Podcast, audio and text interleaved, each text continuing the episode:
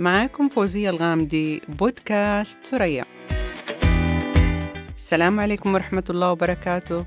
أسعد الله صباحكم ومساءكم بكل خير أينما كنتم. بشارة خير وفرح. ضيف قادم للحياة عسى أن يجعله الله من مواليد السعادة. بس بس بس بس. تكاليف ومصاريف تنتظرنا. ليش؟ عشان عادة اجتماعية جديدة ظهرت بمجتمعاتنا. ما أنزل الله بها من سلطان. تعالوا تعالوا تعالوا معايا نشوف وش هي ذي العادة. ويلا نبدأ.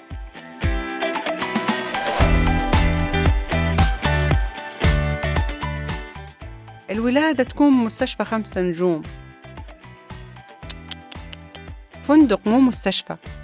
جناح كامل زينة بكل مكان تحضيرات ناس طالعة ناس خارجة ناس داخلة ناس ترتب وردي ناس ترتب أزرق صواني صواني صواني أشكال وألوان من الحلويات والمعجنات و و و و و يا لطيف إيش هذا؟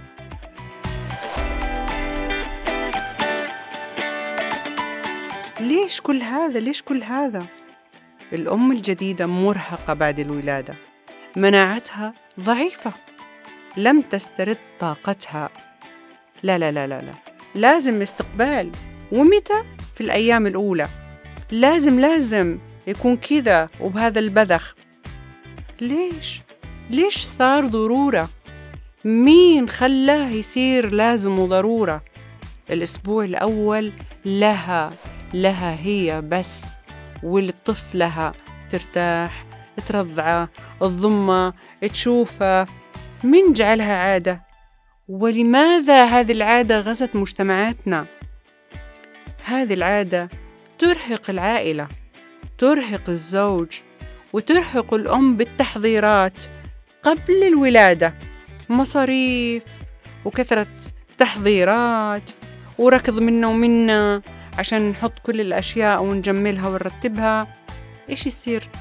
الأم تتوتر والأب يتوتر والقلق بسبب العمل على التحضيرات يزعجهم يتعب الأب والأم على حد سواء جسديا ونفسيا وماديا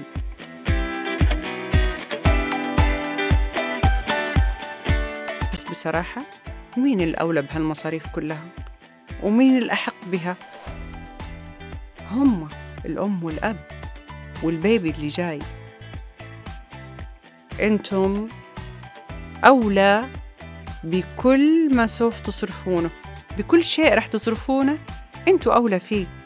والأهم إنكم تحافظون على صحتكم النفسية والجسدية وأنتم تستقبلون طفل جديد يحتاج إنكم تكونون في تمام الصحة النفسية والجسدية.